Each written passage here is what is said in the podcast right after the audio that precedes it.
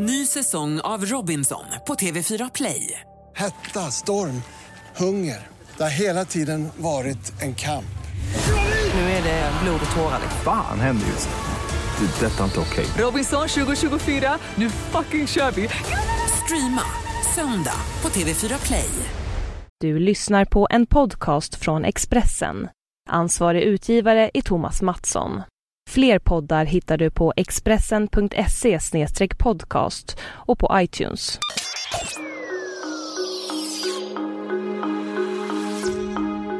Det här är Expressen Dokument och dagarna som skakade Sverige.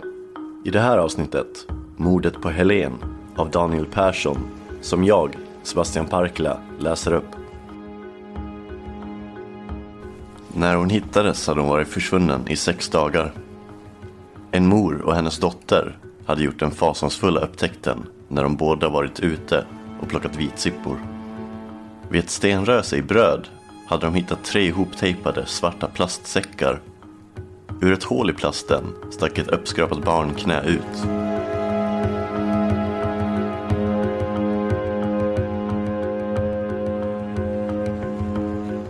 Tioåriga Helene Nilssons mystiska försvinnande hade då varit huvudnyheten i medierna i flera dagar. TV, radio och tidningar hade rapporterat om flickan som hade lämnat sitt hem i Hörby för att möta vänner vid byns livsmedelsbutik, men som aldrig kom fram. Efter att flickkroppen identifierats körde en kortege med polisbilar hem till familjens kedjehus i Hörby. I nästan en hel vecka hade familjemedlemmar våndats över vad som kunde ha hänt deras flicka. Beskedet från poliserna skulle bli en bekräftelse på deras värsta farhåga. Helene Nilsson hade fallit offer för en brutal sexförbrytare. Han hade tagit henne någonstans på vägen mellan hemmet och Hörby. Han hade hållit henne fången, struntat i att ge henne mat och vatten när han hade förgripit sig på henne. När han dumpat henne var hon svårt misshandlad och hade strypmärken runt halsen. Hennes kropp var naken så när som på det armbandsur som satt runt hennes vänstra handled. Inuti henne fann läkarna spår av sperma. Var hade Helene Nilsson hållits fången under så många dagar? Och vem hade utsatt henne för dessa handlingar? Det mystiska försvinnandet skulle utgöra starten på en mångårig och intensiv polisjakt. Utredningen skulle växa till att bli den näst största i svensk kriminalhistoria. Endast överträffad av Palmeutredningen. Ett tiotal män skulle genom åren delges misstanke för sin inblandning. Det skulle emellertid dröja närmare 15 år innan polisen skulle hitta en skyldig. Under tiden skulle Helene Nilssons porträtt, skolfotot av en mörkhårig flicka med lugg, blygt leende och snälla ögon bli signifikativt för att Sverige kanske inte längre var samma trygga plats som många hade upplevt. Det som hade hänt Helene Nilsson skulle komma att prägla en hel generation föräldrar och deras barn. Vuxna skulle, än tydligare än innan, påtala för sina barn att alltid ta det säkra för det osäkra. Att aldrig prata med främlingar. Och Gud förbjude, aldrig någonsin ta emot något eller följa med någon de inte kände. Detta är historien om ett brott som skakade Sverige, om DNA-teknikens oanade möjligheter och om Ulf Olsson, mannen som slutligen skulle komma att fällas för mordet, men som ändå, in i sin död, skulle bedyra sin oskuld. Linda Magnusson och Sabina Brodin förstod direkt att något var fel. De hade stämt träff med Helene Nilsson på parkeringen utanför Hörby lågprisvaruhus vid klockan sju. Men deras vän hade aldrig dykt upp. De tre tjejerna stod varandra så nära som tre tioåringar kan göra. Varje morgon brukade de slå följe till Älvdalsskolan där de gick i klass 4D. Det var den 20 mars 1989, påsklovets första dag och våren låg i luften. Flickorna hade ägnat hela dagen hemma hos Sabina där de hade sminkat sig och lekt fotomodeller. Vid sextiden, när Sabina skulle ha pianolektion, hade Helene smitit hem för att äta kvällsmat med sina föräldrar. Redan innan det hade de tre vännerna bestämt att de skulle mötas igen. När tiden gick utan att Helene Nilsson dök upp började Linda Magnusson och Sabina Brodin leta efter sin vän. Men hur de än sökte så gick hon inte att hitta. Det skilde bara några hundra meter mellan bostaden och den uppgjorda mötesplatsen.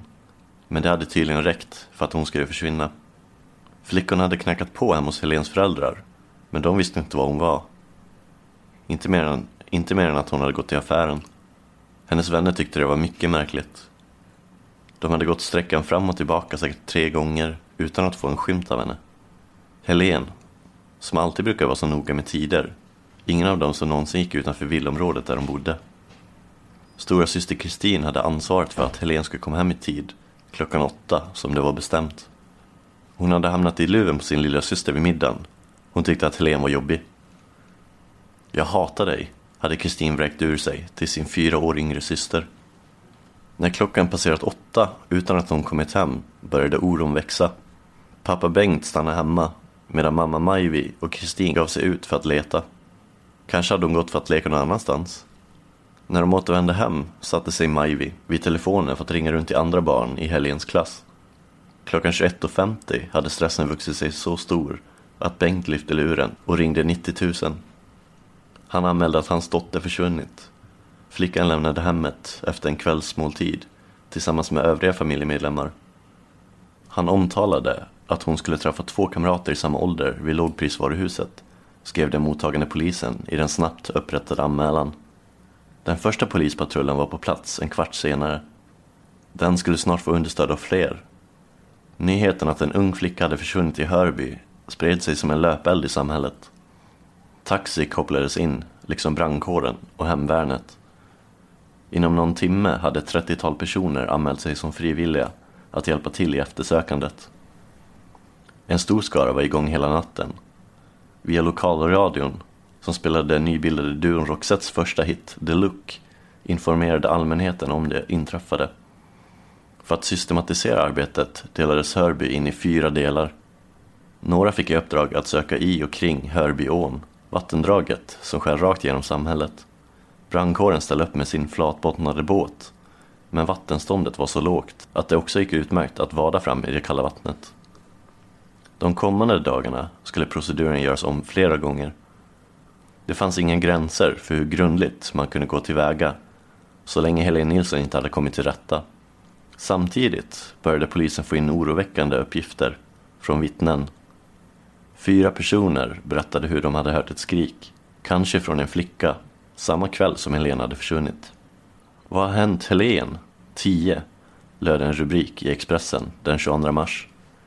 I riksradion, lokalradion, i tv och tidningar vädjade polis, familj och vänner efter hjälp. Över en natt hade Hörby gått från att vara en alldaglig skånsk småort till att bli centralorten för hela landets uppmärksamhet. Om och om igen vävdes skolbilderna på Helen. På ett av dem, den senaste klassbilden, satt hon på en stol och dinglade med benen. Massmedia upprepade återkommande hennes signalement. 135 cm lång, smärt, har mellanblont, långt hår, klädd i en rosa jacka med gröna infällningar, stentvättade blå jeans och ett vitt pannband med två bollar. Hon är som uppslukad av jorden, sa en polis till Expressen. I Hörby fortsatte folk att gå man ur huset för att hjälpa till i det alltjämt massiva sökarbetet. Parallellt gjorde stora syster Kristina vad hon kunde för att ställa saker till rätta. Hon ångrade så de hårda ord som hon hade fällt till sin lilla syster innan de hade skilts åt. Trots att det var riktigt kallt och växlade mellan regn och snöoväder och oavsett hur lite hon hade sovit gav hon sig ideligen ut på nya sökrundor. Det fanns inget som var så viktigt för henne som att få tillbaka sin lilla syster. Storebror Dan lånade familjens röda Golf och körde kors och tvärs över samhället. Först nära centrum, därefter allt längre ut. Ju längre tiden gick, desto mer insåg man att det man inte ville skulle hända hade hänt, sa han i en intervju med Kvällsposten 2012. Redan efter två dagars resultatlöst arbete började polisen befara det värsta. För varje timme, meddelade de, minskade chanserna att återfinna Helen vid liv. Nog är det egendomligt att hon försvunnit på den här korta sträckan, sa polisinspektör Allan Johannesson i Expressen. På påskdagen, när Helen hade varit försvunnen i sex dagar och medan Kristin åter varit ute och letat efter sin syster såg hon på avstånd flera polisbilar köra mot hennes hem. Hon sprang genast hemåt, men hann inte fram förrän någon låst ytterdörren. Kristin fick banka för att bli insläppt. Polismannen som öppnat hade först varit motsträvig till att släppa in henne. Kristin kunde omedelbart se hans ögon vad de hade för ärende i hennes hem. Helen hade hittats. Naken, våldtagen och inpaketerad i tre hoptejpade plastsäckar vid ett stenröse i Bröd, tre mil nordost om Hörby. 15 utredare skulle det kommande halvåret komma att arbeta heltid med fallet. Man vände upp och ner på alla omständigheter som potentiellt skulle kunna leda till en förövare. Obduktionen visade att Helene varit vid liv i flera dagar efter bortförandet. Gärningsmannen hade emellertid varken gett henne mat eller vatten. Det antogs att förövaren lämnat henne naken i rädsla för att hennes kläder annars skulle bära fibrer eller andra spår efter honom. Han hade av allt att döma varsamt sköljt av hennes kropp innan han dumpat henne. Trots hans ansträngningar hade mängder av hundhår fastnat på hennes kropp. Det var uppenbart att en svart, långhårig hund på något sätt fanns med i bilden. Utredarna valde att manuellt gå igenom kommunens hundskatteregister i jakt på hundar som kunde stämma in på beskrivningen. Polisen fick också in mängder av tips på bilar som kunde vara intressanta. Våren och sommaren 1989 var ovanligt nyhetsintensiva. Sverige blev historiskt när man som lag, som första europeiska land sedan 1953, besegrat en asiatisk motståndare i finalen i bordtennis-VM. Fermentas storägare Refat El Sayed dömdes till fem års fängelse, bland annat för svindleri. Och i Stockholm fällde en oenig tingsrätt Christer Pettersson för det tre år gamla mordet på Sveriges statsminister. Han skulle sedermera frias av hovrätten för detsamma. Få nyheter engagerade emellertid så mycket som jakten på Helens mördare. Media rapporterade återkommande om utredningsläget. Det saknades inte misstänkta. De kommande månaderna skulle polisen hämta in och fråga ut flera män om sina förehavanden i Hörby. I juli, nästan exakt fyra månader efter mordet, anhöll åklagaren en man i 30-årsåldern som misstänkt för mordet. Han var tidigare dömd för våldtäkt på en mindreårig flicka och stämde in på den gärningsmannaprofil som han arbetade efter. Han var varken den första eller den sista att sättas i samband med mordet. Utifrån hur noggrant förövaren hade tejpat ihop plastsäckarna antog utredarna att han antingen hade haft en medhjälpare eller att han var yrkesmässigt skicklig på att hantera tejp. Normalt när man tejpar igen en säck med böjbart rörligt föremål blir det luftbubblor i tejpen, sa en poliskälla till Expressen. Här finns det knappt någon spår av sånt. Polisen famlade och taktiken tycktes uppenbar. Genom att plocka in och förhöra personer som kunde ha med ärendet att göra hoppades man att den skyldige skulle bryta ihop och erkänna. Många i spaningsledningen var öppet bekymrade över utredningsläget. Det är mycket svårt för oss att hitta bevis eftersom vi inte vet vare sig var Helen försvann eller var hon mördades, sa en poliskälla till Expressen i juli 1989. Några dagar in på augusti förstod polisen att den kanske hade med en dubbelmördare att göra. 26-åriga Jannica Ekblad hade lämnats mitt på en grusväg i närheten av en rastplats vid väg 24 mellan Hässleholm och Örkelljunga. Den som gjorde fyndet, pensionären Hilding Johansson, hade stannat till vid rastplatsen i hopp om att få se några rådjur genom morgondiset. Hilding hade först trott att det var en hög med wellpapp som hade legat och skräpat på grusvägen. Men när han kom närmare hade han upptäckt att det var en blodig, naken kvinna. Han hade omedelbart gasat iväg till den närmaste butiken i Hörja för att låna en telefon och ringa polisen. Något ruskigt har hänt, hade han sagt till larmmottagaren på 90 000. Jannica Ekblads kropp bar likartade skador som Helene Nilssons. Hon hade fått mängder av slag mot huvudet och hade även blåmärken på benen, liksom ett märke som löpte efter en snara runt hennes hals. Hennes död var slutet på några problemfyllda år.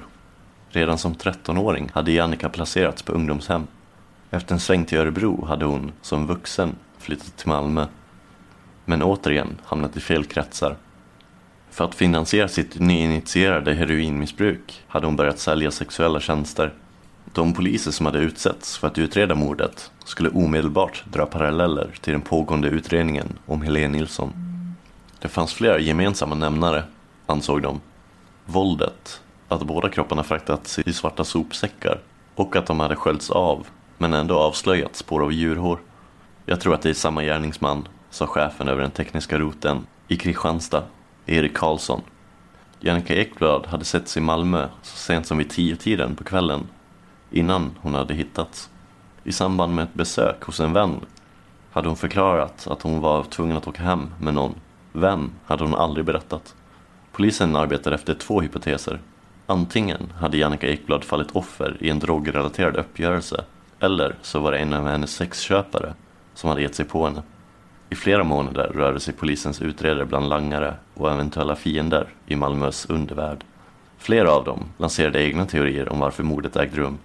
Ingen av dem ledde emellertid utredarna närmare en lösning på fallet. Lika motigt var det i den parallella utredningen om mordet på Helene Nilsson. Utredarna hade visserligen alltjämt drivor med förslag på förövare, men det saknades handfast bevisning. Förövaren levde troligen ensam, var sexuellt otillfredsställd och led av en personlighetsstörning, slog en psykolog fast. Han var med största sannolikhet hemmahörande i Hörbytrakten. Kommissarie Alf Andersson uttalade sig ofta i pressen i egenskap av spaningsledare i fallet. Den 27 september 1989, sex månader efter mordet på Helene Nilsson och sju veckor efter Jannica Ekblad, sprättade han upp ett anonymt brev. Avsändaren hade klippt ut ord och rubriker ur Expressen med vilka han konstruerade ett meddelande till mordutredaren. Mordet på Helen och Jannica. Varför? Jo, den jävla ensamheten och mobbad på jobbet av tjejerna. Ruvar på hämnd. Det var det första i en hel rad av meddelanden som Alf Andersson skulle få från den anonyme avsändaren. Helene Nilssons föräldrar gick flera gånger ut i pressen med öppna brev till mördaren och andra som kunde veta vad som hade hänt deras dotter. Träd fram, manar de gemensamt. Den oro, rädsla och ångest som vi bär på dagligen blir vi aldrig kvitt så länge vi inte får veta vem eller vad som gjorde vår Helen detta. Det är inte kärlek till sina medmänniskor att förtiga det du vet eller misstänker. Även om du tror att en liten detalj av iakttagelse är oväsentlig, hör av dig till polisen. På våren, två år efter mordet på Helene Nilsson, blev Alf Andersson återigen kontaktad av en anonym man som tog på sig ansvaret för morden. Andersson, en av få som kände till detaljer ur utredningen, frågade ut den anonyma uppringaren för att bättre kunna värdera hans uppgifter. Du fattar inte hur ensam jag är. Jävla ensamhet. Jag skäms. Det jag har gjort är oförlåtligt. Ni behöver inte befara att det ska hända fler gånger. Du behöver inte fundera över det andra du misstänker. Det är jag som har gjort bägge. Förklara för Helens föräldrar, sa mannen till Alf Andersson. Han berättade att han hade dödat Jannica Ekblad för att hon börjat tjata om knark. Jag skulle betala 2000 kronor för en hel natt. Hon hann bara in i bilen innan hon började prata om knark. Jag blev vansinnig. Trots samtalen från den mystiska mannen och trots att allmänheten alltjämt visade en ihållande vilja att lämna tips förblev fallen ouppklarade. Hösten 2001 betraktades de som kalla. Den internt kontroversielle men erkänt skickliga mordutredaren Per-Åke Åkesson hade bestämt sig för att läsa in sig på fallet. Han hade jobbat inom polisen i många år men kände sig utmanövrerad i ett personalpolitiskt spel på myndigheten. Utan att förankra det hos sin närmaste chef beställde han upp material från arkivet som rörde mordet på Helene Nilsson. Mycket hade hunnit hända under de 12 år som hade förflutit sedan flickans kropp hittats utanför Hörby. Malmöhus och Kristianstads län hade slagits samman till ett och deras länskriminalavdelningar hade därmed fått en gemensam utredningsorganisation för alla grova brott som förövades i Skåne. Det faktum att Helen rövats bort i ett län och hittats i ett annat hade tidigare utgjort ett hinder för utredningsarbetet, men inte längre. Det var ett minst sagt djärvt projekt han hade tagit på sig. Bara att läsa in sig på allt skulle ta honom flera månader, insåg han. Genom att kraftigt begränsa vilka delar av materialet han skulle sikta in sig på fick han en mer hanterbar arbetsbörda. Det var fruktansvärt när man funderade på vad den här lilla flickan kände och tänkte när hon hölls fången, har den numera pensionerade kriminalkommissarien tidigare berättat för Expressen. I några bevislådor låg de fynd som hade säkrats på brottsplatserna. Andra hittades på ett laboratorium i Uppsala dit de hade skickats i hopp om att få svar, men sen blivit liggande. Bland dem fanns alltjämt rester av den kroppsvätska som säkrats i Helene Nilssons kropp i samband med obduktionen. Polisen hade inte haft så stor nytta av spåren i det initiala skedet, men under de 12 år som hade gått hade DNA-tekniken gått framåt. Spåret var visserligen inte av så god kvalitet att experterna på Statens kriminaltekniska laboratorium kunde stå till tjänst. Men i Storbritannien fanns ett laboratorium som marknadsförde sig som världsledande på tekniken. Kanske kunde de stå till tjänst. Efter en diskussion med sina chefer utsågs Per-Åke Åkesson formellt till ny spaningsledare för den uppväckta mordutredningen. Spåren som skickades över Nordsjön var små och notan dyr för vad som egentligen bara var ett försök. Polisledningen ansåg att det emellertid var värt chansen och skickade proverna till Storbritannien. Samtidigt upptäckte Per-Åke Åkesson märkligheter i några av de förhör som hade hållits. En man seglade snabbt upp som huvudmisstänkt i utredningen. Han hade bott i samma kvarter som Helene Nilsson vid tiden för hennes försvinnande och hade tre år efter mordet åkt fast för sexuella övergrepp mot andra flickor. Mannen, visade förhören, hade haft permission från lumpen vid tidpunkten. Han hade hund och kanske viktigast av allt, han hade varit vid lågprisvaruhuset tillsammans med sin kusin vid ungefär samma tidpunkt som Helene skulle ha gått dit. Han hade stannat till för att köpa tre liter mjölk och kanske lite snus och cigaretter, hade han berättat för polisen. Men trots att det var helt odramatiska uppgifter hade det fått Per-Åke Åkesson att lyfta på ögonbrynen. Uppgifterna stämde nämligen inte överens med hans kusins, som också hade förhörts om sina förehavanden. Någon måste ljuga, slog Per-Åke Åkesson fast och fick med sig en åklagare på planerna att hämta in de båda männen. När nyheten kom ut fick Alf Andersson ett nytt anonymt samtal. Det är fel personer du har häktade för mordet, hävdade uppringaren. Det hade gått tio år sedan han hade hört av sig senast och även om Alf Andersson hade varit frånkopplad från ärendet i flera år så tyckte han sig känna igen rösten på den mystiska uppringaren. I utredningen fortsätter man emellertid att fokusera på de båda kusinerna. I förhör pressades den huvudmisstänkte av utredaren Monica Olhed Hansson. Hon la fram fotografier på den ihjälslagna Helene Nilsson tagna ute vid stenröset samma förmiddag som hon hade hittats. Förhoppningen var att kusinen skulle inse vad han hade gjort och erkänna. Jag har inte rört henne, envisades han. De motsägelsefulla vittnesförhören var till slut inte tillräckligt för att gå vidare med kusinerna. Det kunde finnas fler anledningar till varför de inte ville berätta sanningen för polisen. Kanske var det så enkelt att de inte längre mindes vad de hade gjort. Efter några veckor i häkte så släpptes de på fri fot. Att det åter rörde på sig i utredningen fick dock andra effekter. Personer började återigen höra av sig med tips. En tog kontakt med Monica Olhed Hansson i samband med familjemiddag. Hon var hemma hos släktingar till sin man när en kvinna tog henne åt sidan. Jag pratar normalt sett inte så mycket jobb när jag är ledig. Men hon frågade inte så mycket. Utan när jag berättade att jag jobbade med Helene-mordet började hon berätta för mig. Under 1989 hade kvinnan haft en arbetskamrat på fabriken Billsom i Hör som hon sa gav henne rysningar. I boken Jakten på en mördare av sydsvenska journalisten Tobias Barkman återges vad kvinnan berättade för Olehed Hansson. Den här perversen, som folk på jobb kallade honom, ska haft en stuga utanför Hörby. Kvinnan beskrev arbetskamraten som en ensling. Han utmärkte sig på jobbet genom att prata perverst, kasta könsord omkring sig och kalla kvinnor för luder. Han skröt om hur han hade köpt prostituerade, gärna sådana som var betydligt yngre än honom själv. Han var 37 år vid tiden för mordet. Arbetskamraten hade också svåra alkoholproblem, berättade kvinnan. Det hände återkommande att kollegor fick köra hem honom eftersom han hade varit för överförfriskad för att klara jobbet. Eftersom jag visste vem hon var så förstod jag att det här, det var inte trams, säger Monica Olhed Hansson. Jag förstod att det låg något i det som hon sa. Och det var ju klart att man ville kolla upp det. Monica Olhed Hansson kontaktade mannens arbetskamrater och den kvinna han hade barn tillsammans med. Alla bekräftade den bild som kvinnan gett under familjemiddagen. I augusti 2003 fick polisen svar från det brittiska laboratoriet. Jo, meddelade experterna. Det hade gått att få fram en DNA-profil från de spermier som hade hittats i Helene Nilsson. Per-Åke Åkesson fick nio sifferpar i retur för de spår han skickat in. En nummerkonstellation som är unik för varje individ och som baserar sig på ens genetiska arv från sina föräldrar.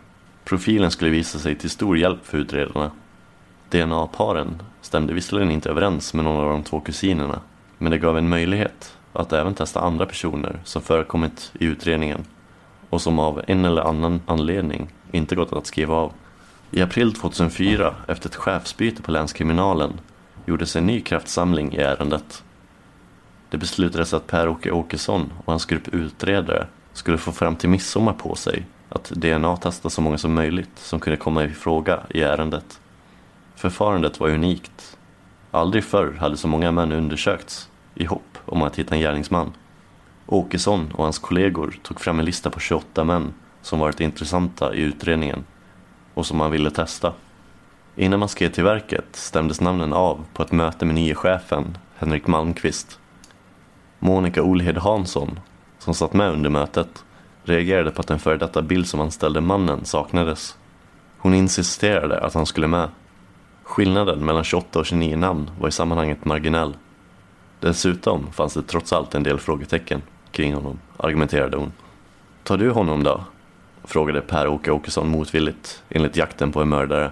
Monica Olhed Hansson, som ansett att mannen blivit mer intressant ju mer hon tittat på honom, misstyckte inte. Det var många saker som framstod som märkliga, som gjorde att jag inte kunde släppa det spåret. Inom loppet av några veckor kunde merparten av listans namn bockas av. Flera av de testade uttryckte djup tacksamhet över att en gång för alla kunna avskrivas som Helene Nilssons möjliga baneman. Det här är min enda chans att visa för mina vänner och anhöriga att jag inte är någon barnamördare, sa en, enligt Tobias Barkmans bok. I månadsskiftet maj-juni hade 24 av de 29 namnen fallit bort. De som återstod var, i sammanhanget, lågprioriterade. Samtidigt brådskade det dock om man skulle hinna med att kolla upp alla före midsommar.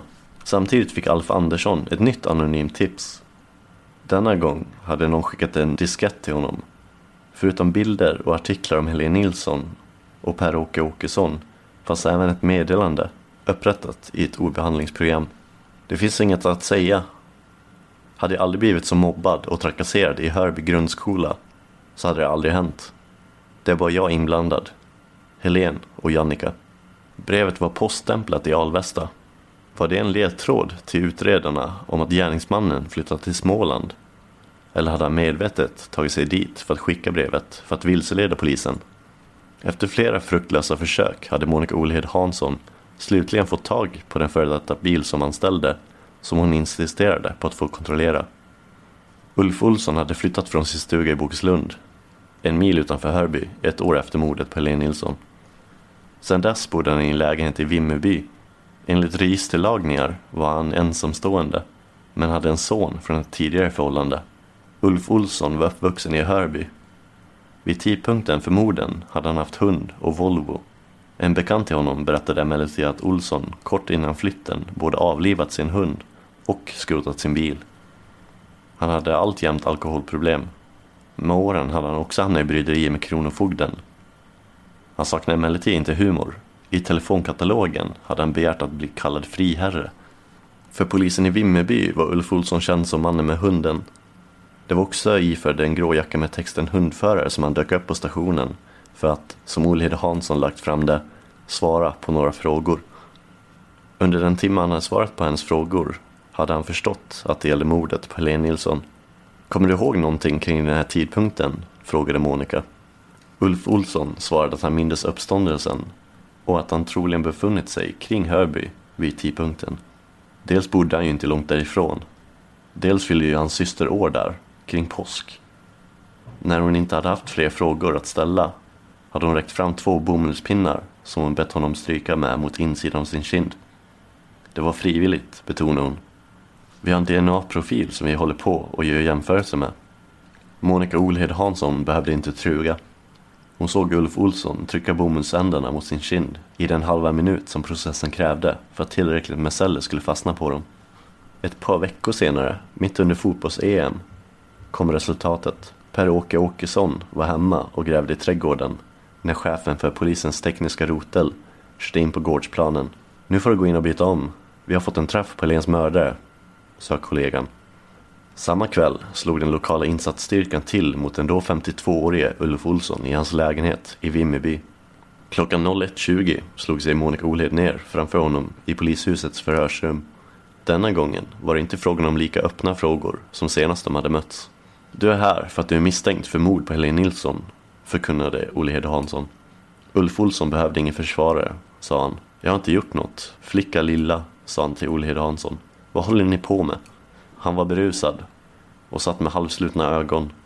Själv skulle han senare säga att polisen låtit honom supa sig redlös innan han skulle förhöras. Han var i sånt skick att han hade svårt att minnas vad han hade gjort ens 14 dagar tidigare, berättade han.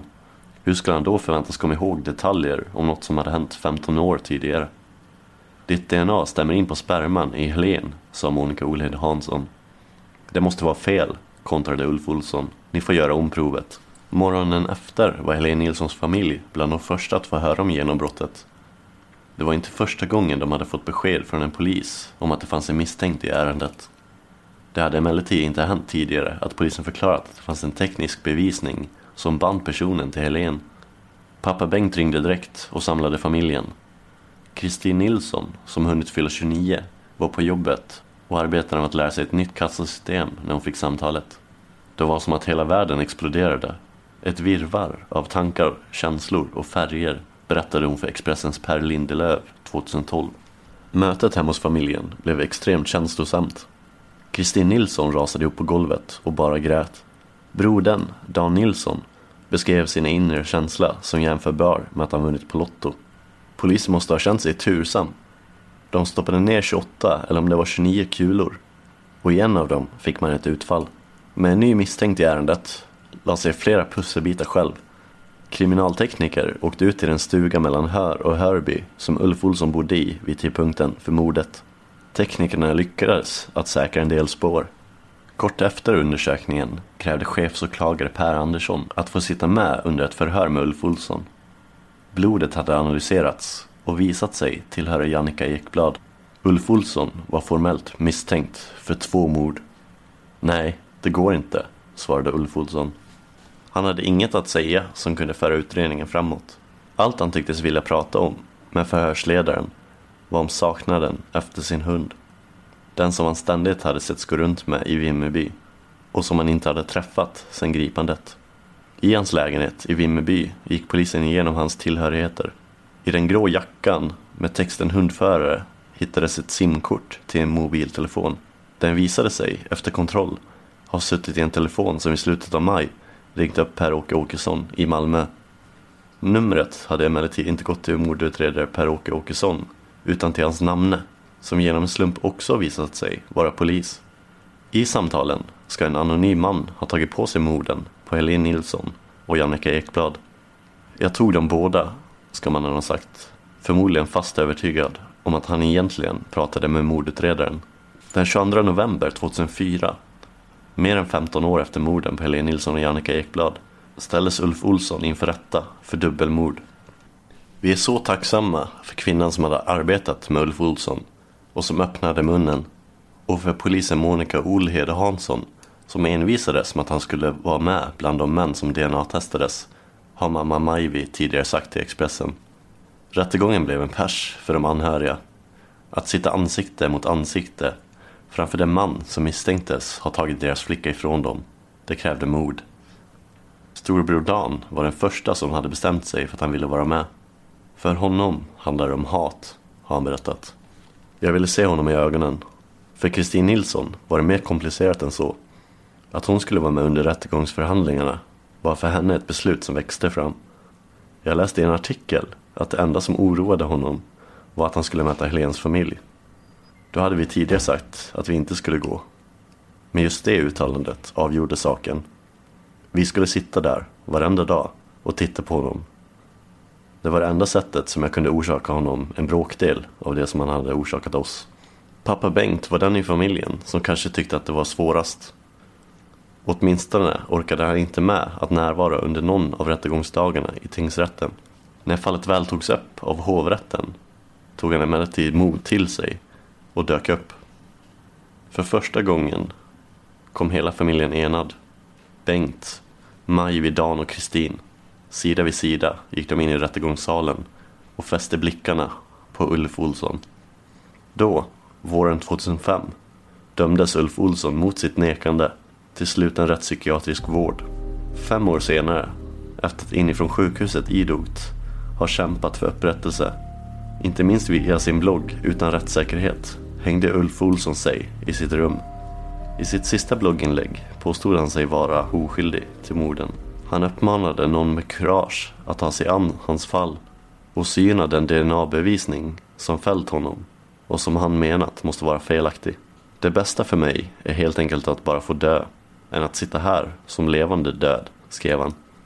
För familjen Nilsson blev den fällande domen en vändpunkt. Äntligen kunde de ge sin flicka en gravsten som de hade bestämt att hon skulle få den dagen en förövare var dömd. I polishuset i Malmö utreder Monica Olhed Hansson alltjämt grova vårdsbrott. Förre polisprofessorn Leif GW Persson har hyllat henne som en av landets främsta brottsutredare. Visst kan hon än idag känna en lättnad över att fallet till slut klarades upp, säger hon. Inte minst för familjens skull. Men utgången var minst lika viktig för Hörby som ort. Hela samhället hade varit infekterat ända sedan det hände eftersom ingen kunde veta vem det var som hade gjort det. Bodde mördaren kvar? Eller hur var det? Med domen mot Ulf Olsson kunde man sätta punkt för historien. Att Ulf Olsson ända in i slutet fortsatte att neka till att ha något att göra med morden, det ger Olhede Hansson inte mycket för. Hans sperma hittades ju inne i Helen. Men en sak gör att hon än idag inte kan känna sig helt tillfredsställd. Det faktum att det aldrig blev känt vad Helen egentligen råkat ut för den där första påsklovsdagen. Det finns flera frågor som vi aldrig fick några svar på. På vilken plats det skedde, hur det gick till och var Helen förvarades under tiden. Det är frågan om familjen hade mått bättre av att få veta det. Men rent utredningstekniskt hade det i alla fall varit intressant att få höra hela historien. En tid efter att Ulf Olsson åkt fast återsåg Olhed Hansson kvinnan som lämnade avgörande tipset. Hon hade själv barn när det hände och hade gått och funderat på Ulf Olsson varje gång det rapporterats i medierna om Helen. Men eftersom hon bara hade en känsla och hade svårt att sätta fingret på vad det var som hon reagerade på var det svårt för henne att plötsligt ringa polisen och peka ut honom. När slumpen såg till att hon hamnade på samma middagsbjudning som en av fallets utredare kändes inte hindret lik oöverkomligt längre. Den tillfälligheten är en familj, ett Hörby, ja, förmodligen en hel generation föräldrar och deras barn oändligt tacksamma över.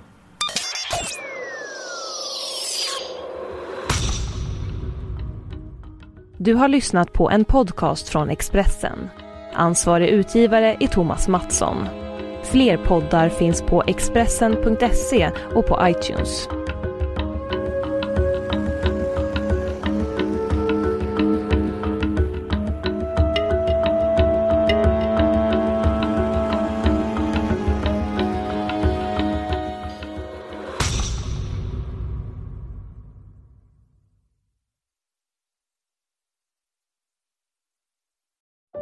Säsong av Robinson på TV4 Play. Hetta, storm, hunger. Det har hela tiden varit en kamp.